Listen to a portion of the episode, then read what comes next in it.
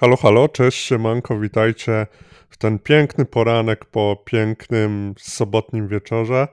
E, ja nazywam się Patryk Stec, dzisiaj będę miał przyjemność poprowadzić podcast, a jest z nami Rafał Sierchej, Interia.pl.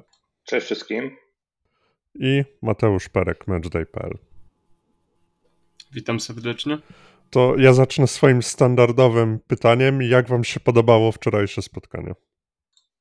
Myślę, że nie można odpowiedzieć nic innego niż to, że po prostu było cudowne. Nie wiem, czy to nie był nasz najlepszy mecz w sezonie w ogóle, jeśli chodzi o właściwie o wszystko, pod względem defensywy, ofensywy, gry w drugiej linii, to, to było po prostu idealne. To, to był występ doskonały.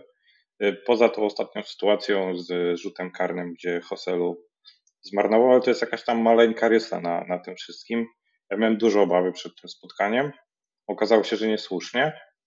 I, I bardzo się z tego cieszę, bo to był mecz najlepszy chyba w tym sezonie na pewno. Czy w całej tej drugiej kadencji Ancelottiego to chyba nie, pewnie znaleźlibyśmy lepsze, ale było naprawdę cudownie. Ja myślę, że do wypowiedzi Rafała nic odkrywczego raczej nie dodam, bo mam po, po, podobne zdanie. Podobnie uważam, że to był nasz chyba najlepszy występ w sezonie ligowym e, w tym sezonie. E, ja delikatnie się spodziewałem, że to może tak wyglądać, ponieważ no chyba pamiętamy poprzednie spotkanie z Gironą w rundzie jesiennej, kiedy to również zdemolowaliśmy ich 3 do 0. Może nie było to w takim stylu, jak, jak nastąpiło to wczoraj, ponieważ no, nie daliśmy chyba nawet, wydaje mi się, 5 minut, w których to Girona byłaby stroną dominującą, więc to jest duży sukces patrząc na to, jak, jak ta drużyna radzi sobie w tym sezonie. E, też miałem lekkie obawy, ale głównie w kontekście pary środkowych obrońców, ponieważ no jak, jak, wiemy ani Chouameni, ani Carvajal nominalnymi stoperami nie są, więc jakieś takie lekkie obawy były w kontekście ich e, potencjalnych błędów, no ale jak wiemy na szczęście one nie nastąpiły. Mi generalnie bardzo podobał się e, występ Carvajala na, tej, na, na środku obrony.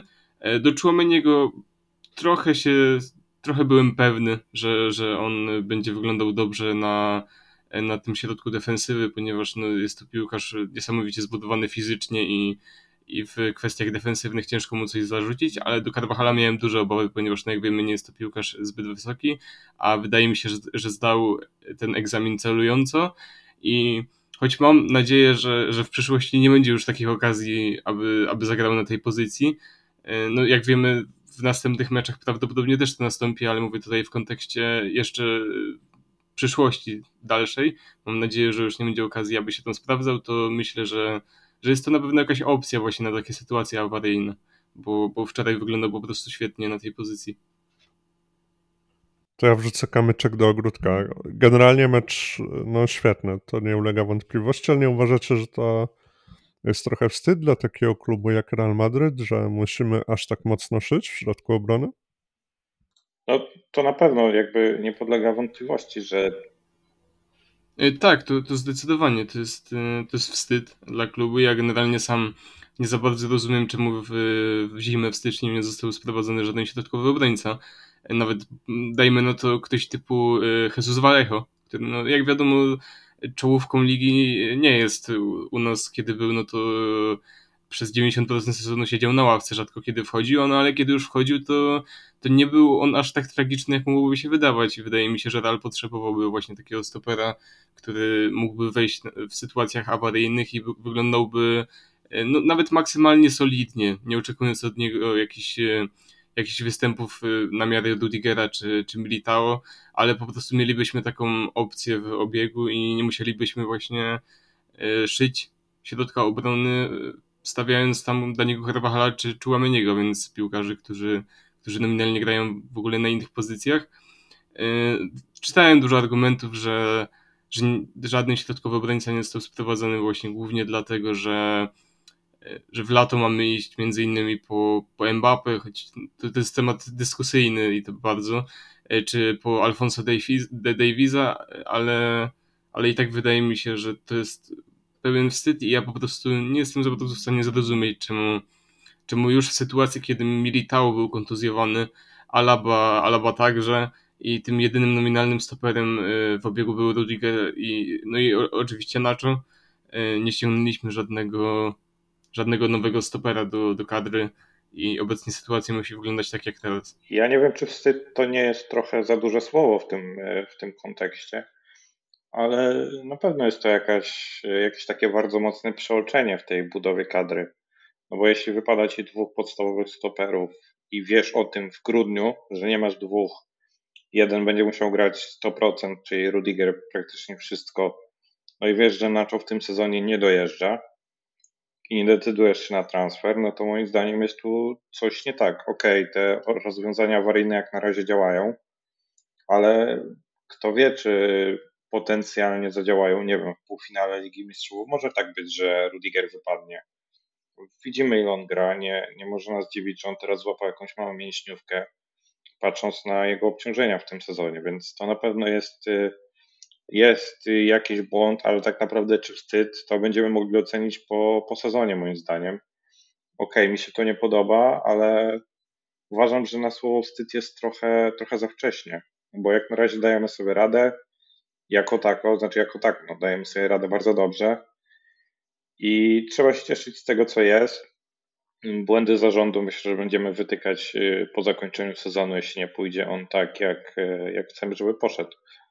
Znaczy ja tylko powiem, że ewentualne trofea to będą nie dzięki zarządowi, tylko mimo. Tak naprawdę, no bo ja uważam, że powinni zrobić więcej, żeby pomóc Ancelottiemu E, w zdobywaniu trofeów, no ale możemy otworzyć kącik właśnie docenienia dla włoskiego trenera. E, już nieraz o tym mówiliśmy. Radzi sobie nadzwyczaj dobrze, jeśli, jeśli chodzi o, o to łatanie dziur. Nie, no to jest w ogóle niesamowite, że my, mając rozwalone połowę kadry, e, no nie połowę, ale jakby połowę obrony, tej, która zdobywała Ligę Mistrzów i Ligę Hiszpańską w sezonie 2021-2022, jesteśmy w stanie kręcić takie wyniki. Przecież to jest w ogóle niemożliwe. My, gdyby nie ta porażka e, z Atletico Madryt we wrześniu 2023 roku, gdy Ancelotti uznał sobie, że musi odpocząć Człomaniego na mecz z Las Palmas, w ogóle naj, najbardziej absurdalne tłumaczenie w, w tym sezonie, to my byśmy szli teraz tak naprawdę po Invisibles, bo jak na razie nie mamy żadnej porażki w tym sezonie. Poza tą z Atletico, bo ta w Pucharze jakby w regulaminowym czasie był remis. Więc teoretycznie przegraliśmy według takich prawideł futbolu. Wiadomo, że nie awansowaliśmy, ale dopiero po dogrywce. No, Ancelottiego trzeba oceniać pozytywnie. Jakbym miał mu wystawić teraz y, notę za ten sezon, to wystawił mu 9,98 właśnie za ten mecz z Atletico, kiedy postanowił, że odpocznie sobie y, z Chouamenim, ale tak naprawdę to wszystko robi dobrze. Możemy narzekać na to, że nie wprowadza młodych, y, że dawał grać kepie, że nie wiem co jeszcze, że tu się coś nie podoba, że ten diament, ale ten diament działa, wszystko działa tak naprawdę.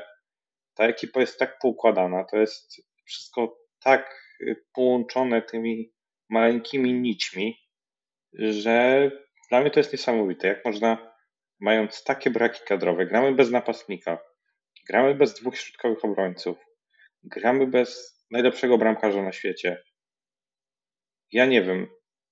Ancelotti jest po prostu geniuszem i, i to, jest, y, to jest mój wniosek. Mimo, że bardzo wiele, go, wiele razy gdzieś tam go krytykowałem za te właśnie za te aspekty, o których wspomniałem wcześniej, to trzeba docenić jego pracę, bo jest niesamowita. No ja przyznam bez bicia, że ja też kilka razy od, od momentu jego drugiej kadencji e, krytykowałem go za równe e, e, również krytykowałem go za, za pewne wybory, między innymi te, które Rafał już tutaj wymienił, ale też obecnie uważam, że jest to chyba odpowiednia osoba na stanowisko szkoleniowca Realu Madryt.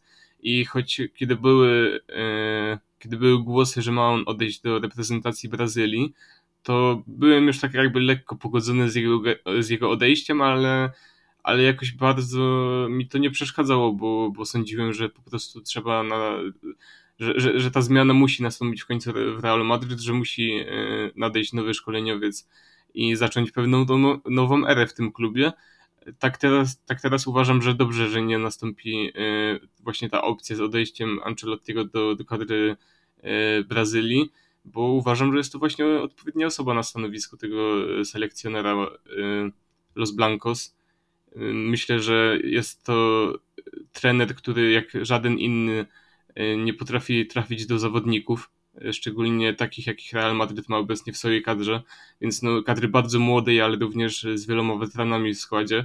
Myślę, że jest to pewna sztuka, aby tak zbalansować e, drużynę, aby atmosfera była tak dobra, żeby piłkarze no, typu Toni Kroos czy, czy Luka Modric e, mieli tak świetny kontakt z piłkarzami jak, jak Vinicius Junior czy, czy Rodrigo, czy nawet e, ten tutaj przykład, przykład Ardy Gillera, Tutaj choć były głosy, że, że nie za bardzo początkowo ta aklimatyzacja szła mu dobrze w Real Madrid, tak teraz podobno świetnie dogaduje on się praktycznie z, z, całą kadrą. Zawodnicy jak chociażby Fede Valverde pomagają mu w tej aklimatyzacji, to tylko pokazuje jak, jak ten klub jest taką wielką rodziną, e, ta drużyna jest taką wielką rodziną i myślę, że bardzo dużo tutaj ma właśnie w tym względzie e, do powiedzenia Carlo Ancelotti, że, że to on dba przede wszystkim o tę atmosferę.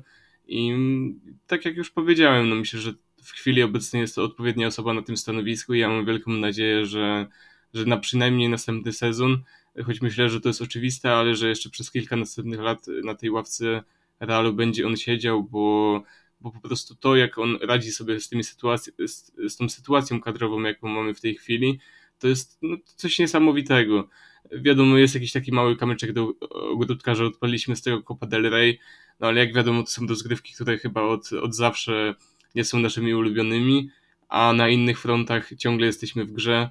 W lidze myślę, że, że mistrzostwo nie powiedziałbym, że jest zaklepane, ale, ale szanse na, je, na jego zdobycie są bardzo duże, więc z taką sytuacją kadrową, jak, jak tu właśnie Rafał wspominał, bez napastnika, bez nominalnych środkowych obrońców w tym momencie to, to są wyniki niesamowite i, i tylko pogratulować i cieszyć, się, cieszyć się, że mamy taką osobę na stanowisku selekcjonera. No ja mówiąc szczerze, to nie widzę żadnego kandydata, który miałby nam ten tytuł odebrać. Girona w dołku, Barcelona w dołku, więc raczej, raczej będziemy powiększać tą przewagę. Jeśli chodzi o Carlo Ancelottiego, to może to zabrzmieć absurdalnie, bo mówimy o bardzo doświadczonym trenerze, no ale mam wrażenie, że, to czy nie mam wrażenie, tylko tak jest na pewno, od pierwszego pobytu w Realu Madryt nauczył się chyba bardzo dużo i, i to pokazuje w ostatnich sezonach w Madrycie. Dobra, chciałem omówić jeszcze dwa tematy w jednym tak naprawdę, e, czyli Vinicius i Jan Couto. E, o tym drugim powiem, że bardzo się zdziwię, jeśli nie trafi do Realu Madryt i, i to są parę y, dość y, absurdalne słowa po takim spotkaniu, ale gdzieś jak spojrzałem, jak podchodzą do niego ci Brazylijczycy, to, to sobie pomyślałem, że ten gość musi trafić do, do Realu. No nie ma co się oszukiwać, to nie był jego najlepszy mecz, mówiąc delikatnie i on sam o tym wie, bo wszyscy widzieliśmy łzy na jego policzkach po, po meczu ale po jednym spotkaniu raczej nie możemy oceniać e, zawodnika, szczególnie gdy grasz na Viniciusa. Ja myślę, że co do to mam nadzieję, że zarząd nie będzie jakoś bardzo patrzył na ten mecz e, w kontekście transferu, bo ja również jestem za tym, żeby go po prostu sprowadzić tego lata. To jest taka okazja rynkowa, że mm, trzeba z niej skorzystać. I ten mecz nie powinien tutaj zbyt wiele zmieniać. Grał na najlepszego lewoskrzydłowego na świecie i myślę, że Viniciusa w takiej formie nie zatrzymałby Cancelo, nie zatrzymałby Hakimi, Trent, James. Nie wiem, może Walker by, by, by miał jakieś szanse na to, żeby powstrzymać Winiego. Ale no, Couto jak przyjdzie do Realu, to nie będzie się mierzył z takimi skrzydłowymi, bo jest dwóch takich na świecie. Dla mnie Mbappé jest już bardziej napastnikiem, dlatego mówię o Winim jako najlepszym lewoskrzydłowym na świecie, ale no to winie Mbappé. Tylko dwóch jest takich, którzy potrafią robić takie rzeczy z piłką, mm, tak mijać rywali, takich ośmieszać, w taki sposób y, generować zagrożenie pod bramką rywala i też mają tak szeroki repertuar zagrań. Bo jak spojrzymy na Viniciusa, to ja mam wrażenie, że on w ofensywie umie wszystko tak naprawdę. E, bo potrafi strzelić pięknie z dystansu i to takie naprawdę bardzo ważne gole. Pamiętamy ten gol z Sevillą, to był jakby taki początek E, wtedy pewnie uwierzył, że potrafi to robić. E, potem był Gold City, No i teraz mamy tego gola z Gironu. Wszystkie trzy były cudowne. Wszystkie trzy przypominały nam strzały Cristiano Ronaldo. Najbardziej pewnie ten z Sevillą, no ale każdy miał w sobie coś, coś z tego Cristiano i widać, że to jest piłkarz, który mm, w tych wielkich meczach, jak jest w dobrej dyspozycji, to jest po prostu nie do zatrzymania. To jest jeden z trzech, może pięciu najbardziej decydujących piłkarzy na świecie. Carlo Ancelotti mówi, że jest najlepszy na świecie. No wiadomo, że to jest kwestia subiektywna i nie powie, że ktoś tam inny jest najlepszy na świecie, tylko wymieni Winiego albo Bellingama, bo, bo jakby u niego w głowie jest taka debata. Ale Couto na przestrzeni całego sezonu pokazuje, że potrafi grać w piłkę, że jest bardzo dobrym e, zawodnikiem. Nawet powołanie do reprezentacji Brazylii jest jakimś tam świadectwem tego. Wiadomo, że oni w, w obronie, na prawej obronie konkretnie, mają dużą posłuchę, tak naprawdę najlepszym prawym obrońcą to pewnie jest tam Eder Militao teraz, który jest kontuzjowany, więc, e, więc wiadomo, że Couto to na pewno pomogło. Ale wydaje mi się, że nie możemy przepuścić tego transferu, nawet mimo tego no, fatalnego, dramatycznego. To ten występ Brazylijczyka można oceniać tylko w, w samych negatywnych słowach. I pewnie tak samo mówilibyśmy na przykład o Rodrygo po tym meczu, gdyby nie strzelił gola, bo, bo występy były podobne. Wiadomo, że Couto jakby bardziej na afiszu, bo Vinicius kręcił nim po prostu w każdej akcji, ale nie możemy go odpuścić moim zdaniem i trzeba po prostu iść po sympatycznego Brazylijczyka w różowych włosach. Dobra, Mati, nie ma nic do dodania, więc, yy, więc lecimy dalej. Dzisiaj wyczytałem na, na marce gdzieś przy okazji któregoś z tekstów, że Dani Carvajal nie zagrał już, już chyba tylko na bramce i że może jeszcze zagrać w tym sezonie. Znając nasze szczęście, to, to jest bardzo możliwe. Nie chciałbym, żeby ten odcinek się zamienił w chwalenie każdego i wszystkich, ale no chyba po takim meczu nie da się inaczej, więc jeszcze kilka słów o, o tym środku obrony. Ja tylko powiem na usprawiedliwienie Ancelottiego, e, że z juniorów też nie mógł skorzystać, bo tam kontuzje przeszkodziły, plus on wytłumaczył, że na niego kluczowe przy podejmowaniu decyzji o tym, na kogo postawił w środku obrony, e, są, e, jest też rozumienie taktyczne. No i wiadomo, że największe rozumienie mają ci zawodnicy, którzy na co dzień trenują z tym składem, stąd Chouameni i Carvajal. Jak, jak oceniacie ich występ do tej pory? Ja może powiem od siebie najpierw, bo dzisiaj, dzisiaj trochę mniej mówię z tego, że zadaję pytania ale Chouameni robi dokładnie to, czego od niego oczekujemy i myślę, że nie przesadzę, jak powiem, że ma zadatki na najlepszego środkowego obrońcę na świecie wśród tych, którzy dużo rozgrywają. I on świetnie się wczoraj spisał, y, jeśli o to chodzi, i bardzo, bardzo fajnie rozdawał te piłki i gdzieś tam panował nad tym tempem spotkania.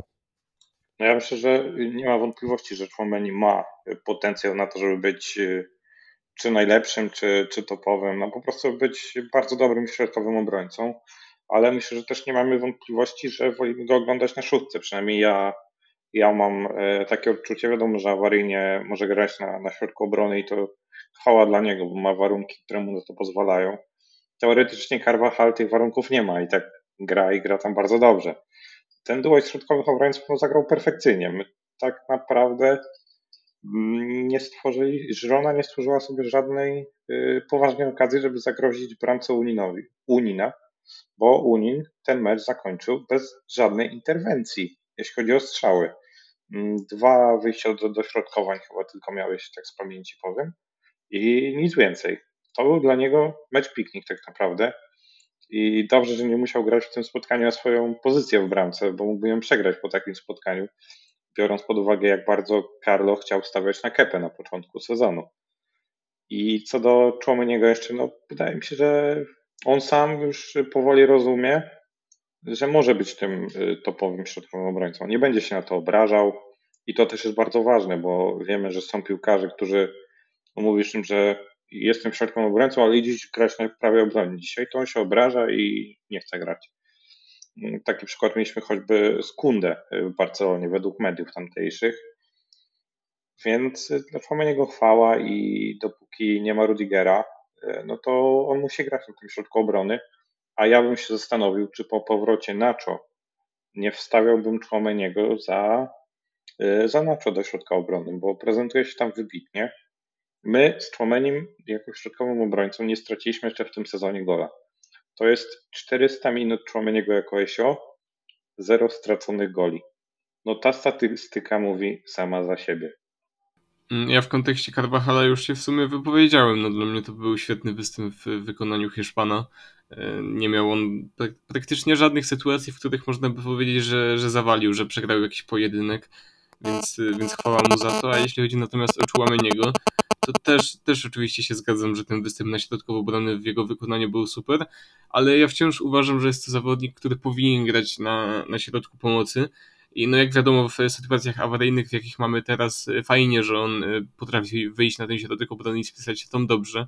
I tak jak powiedział Rafał, nie wyglądać na jakiegoś obrażonego, że, że musi grać na nie swojej nominalnej pozycji. Tak po prostu uważam, że on na środku, że on w linii pomocy prezentuje się po prostu najlepiej, że wtedy oglądamy jego najlepszą wersję i to tam powinien on występować, e, występować normalnie. E, tutaj tak odnoszę się do tych słów e, Rafała w kontekście Nacho, że jeśli nawet Nacho wrócił, to wtedy Chouameni powinien występować na środku obrony.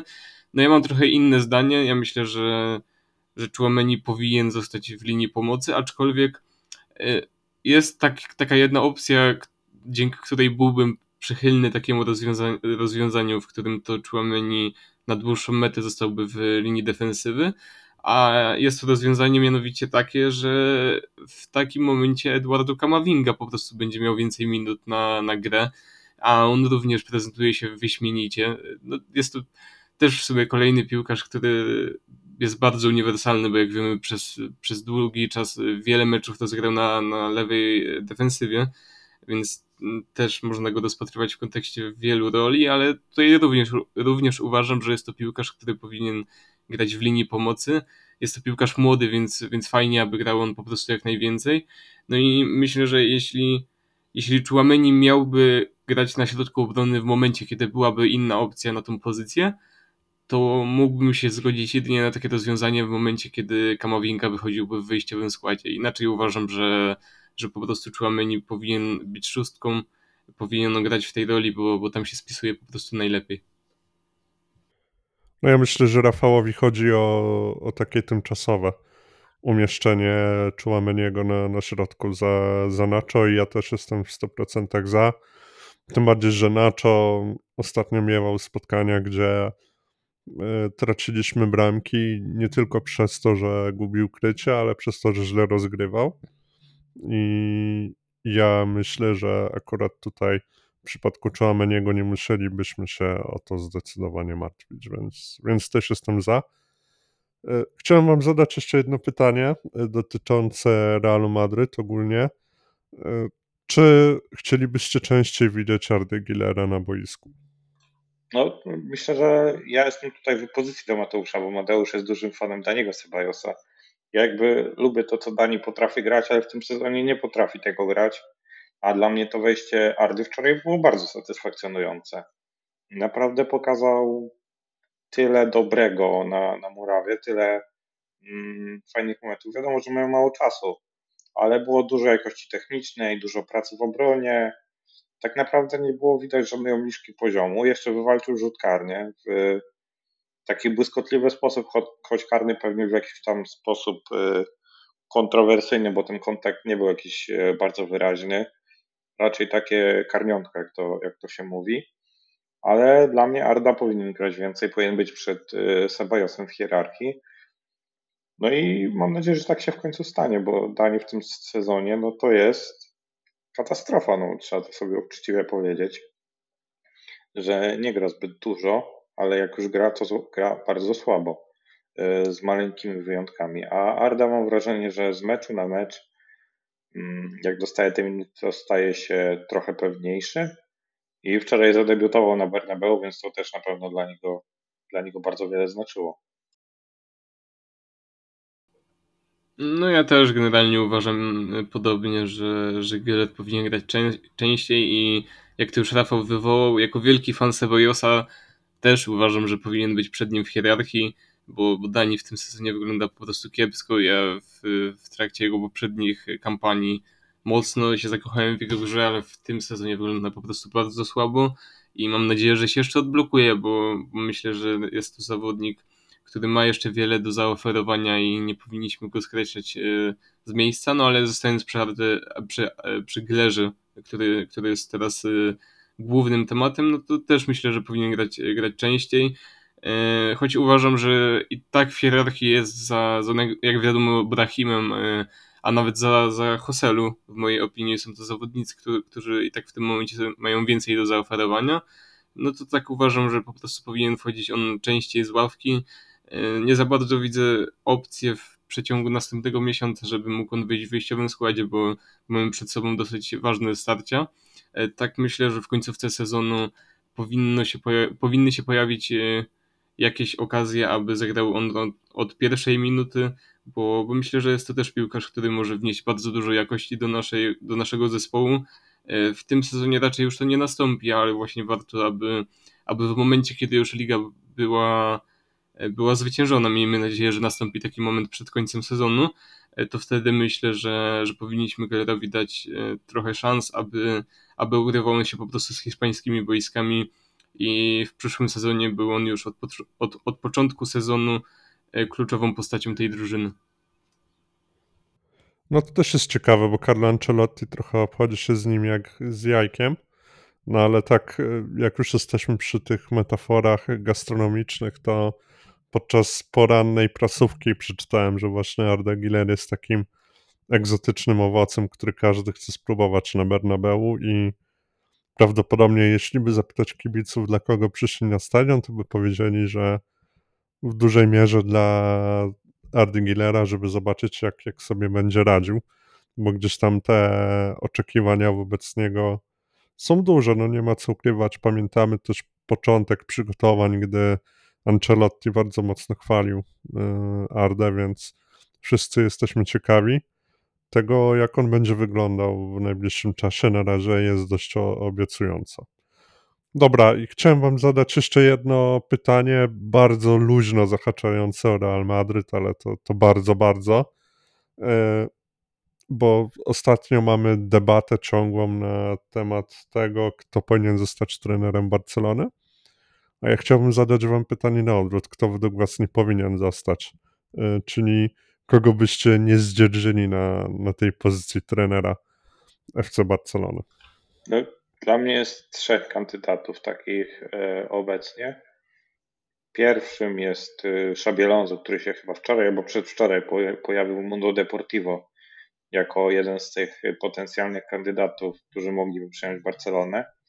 No wydaje mi się to w ogóle niemożliwe, absurdalne i mam nadzieję, że Szabi nam tego nie zrobi. Zresztą ja z każdym kolejnym meczem mam coraz mniej przekonanie, że on z tego y, Bayeru odejdzie w tym sezonie.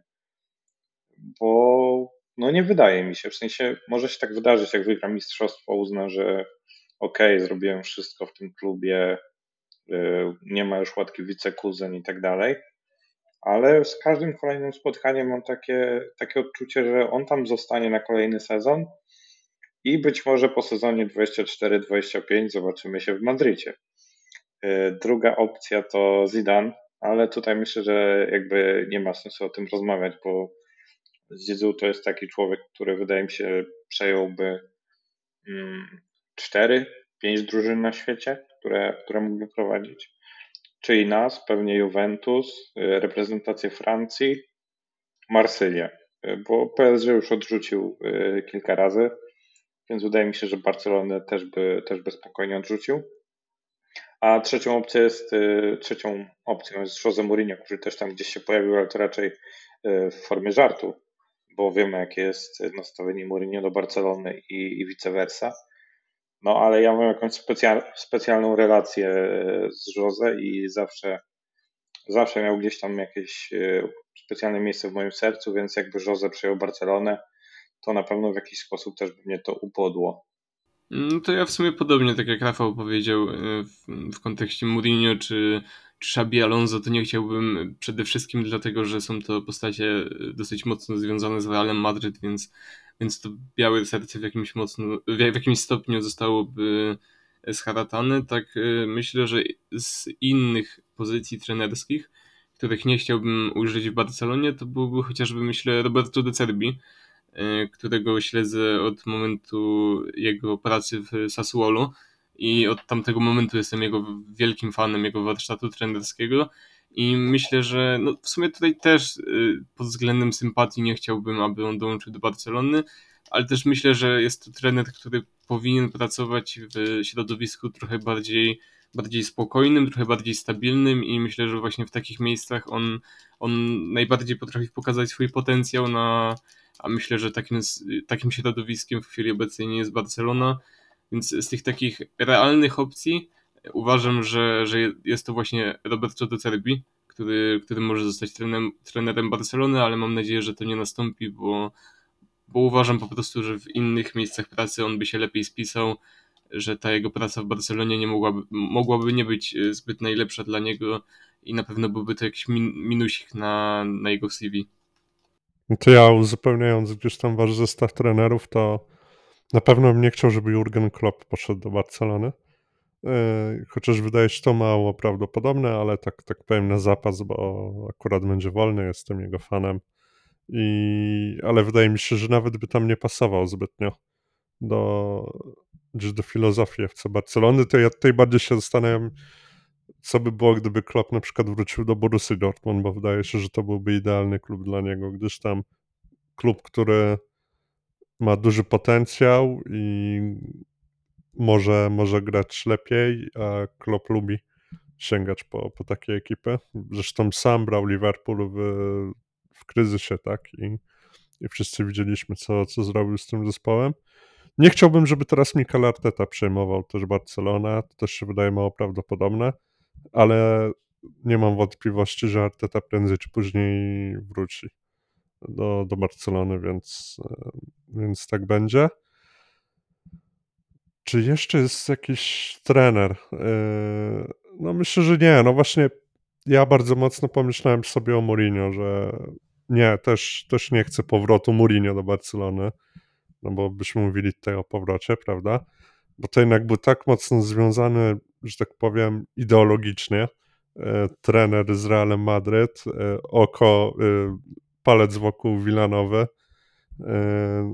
że po prostu sobie nie wyobrażam po tych wydarzeniach, po tak emocjonujących klasykach, które wręcz były wojną. Siadaliśmy jak do wojny e, przed telewizor, e, przed telewizory. Mm, nie wyobrażam sobie, żeby on miał trafić do, do Barcelony i chyba kibice też średnio to sobie wyobrażają. Więc, e, więc tak naprawdę tyle. A jakbyście mieli obstawiać w sumie, kto, kto zasiądzie na ławce Barcelony, to kto według was to będzie? Jakbym miał obstawiać tak, że miałbym postawić swoje pieniądze, mm, to na dziś postawiłbym chyba na mm, Rafa Marqueza. Wydaje mi się, że nie będzie tam y, wielkiego wydatku finansowego. Wiadomo, że pojawia się ten flik, y, ale nie jestem przekonany, czy, czy flik będzie gotów przystać na warunki finansowe, jakie może mu zaoferować Barcelona. Wiadomo, że Xavi nie pracuje za frytki i dostał podwyżkę po poprzednim sezonie, ale wydaje mi się, że Flick to może być e, trudna misja do, do rozwiązania i mogą pójść na, na taką łatwiznę. A dzisiaj przeczytałem w ogóle, że jeśli e, Barcelona wygra Ligę Mistrzów, to Laporta liczy, że Xavi zostanie. Wydaje mi się, że ani jedno, ani drugie się nie wydarzy. E, w tym sezonie, więc, więc postawiłbym tutaj na, na Rafa Marqueza, ale jako taki drugi, drugi take to chyba, chyba Hansi Flick, bo nie wydaje mi się też, żeby poszli w ten rynek portugalski, skoro Laporta bardzo nie chce tego rynku portugalskiego, odrzucił e, Conceição, być może, nie, odrzucił chyba Morima, a nie Conceição, już nie pamiętam dokładnie, ale widać, że, że ten rynek portugalski niekoniecznie jest przez niego, ta, przez niego tak lubiany jak, jak przez Deko. Ja osobiście pieniędzy bym chyba nie postawił na żadne nazwisko. W kontekście Barcelony pojawia się tak dużo, tak dużo trenerów, że, że ciężko mi się tak szczerze nawet połapać, która opcja jest obecnie z tych najbardziej prawdopodobnych, które nie. Ile jest nawet tych nazwisk na liście potencjalnych szkoleniowców Barcelony, więc osobiście pieniędzy bym nie stawiał, bo prawdopodobnie bym je przegrał. swojego takiego jednogłośnego typu na, na szkoleniowca Barcelony też po prostu nie mam, bo nie będę ukrywał, po prostu nie, nie za bardzo jestem obeznany w, w tematach katalońskiego klubu, aż tak nie śledzę tamtejszych mediów, więc, więc po prostu nie wiem, który kandydat, kandydat, kandydat nawet według nich byłby, byłby najlepszy, według kibiców Barcelony, więc no osobiście bym po prostu nie wyrokował, ale intuicja mi troszeczkę tak podpowiada, że może to też być, że może to być Hansi Flick, ale to, to tylko intuicja, żadnych jakichś wielkich argumentów ku tej tezie po prostu nie ma. No to ja, jak miałbym na dzień dzisiejszy powiedzieć, kto, kto zostanie trenerem, to powiedziałbym chyba Hansi Flick. Mimo wszystko, bo nie wydaje mi się, by miał wygórowane wymagania, bo gdzieś tam zbyt wielu opcji też e, do topowych klubów nie będzie mieć. No bo ta karuzela gdzieś mocno się rozkręca i to będzie chyba najciekawsza trenerska karuzela od, od kilku lat. Więc, więc ja obstawiam Hansiego Flicka. Dobra, y, omówiliśmy sobie tematy. Y, niedługo jest Liga Mistrzów, więc, więc po Lidze Mistrzów też na pewno, na pewno się usłyszymy. A no dzisiaj już, y, już kończymy naszą rozmowę. Byli z nami Mateusz Parek, Matchday.pl. Dzięki wielkie za udział. I Rafał Sierchej, Interia.pl. Dzięki wielkie, dobrego dnia wszystkim życzę. A ja nazywam się Patryk Stec i zachęcam Was do subskrybowania nas na Spotify, do followowania również na Twitterze i śledzenia tego, co piszemy i, i śledzenia oczywiście naszych podcastów. Dzięki wielkie, trzymajcie się, hej.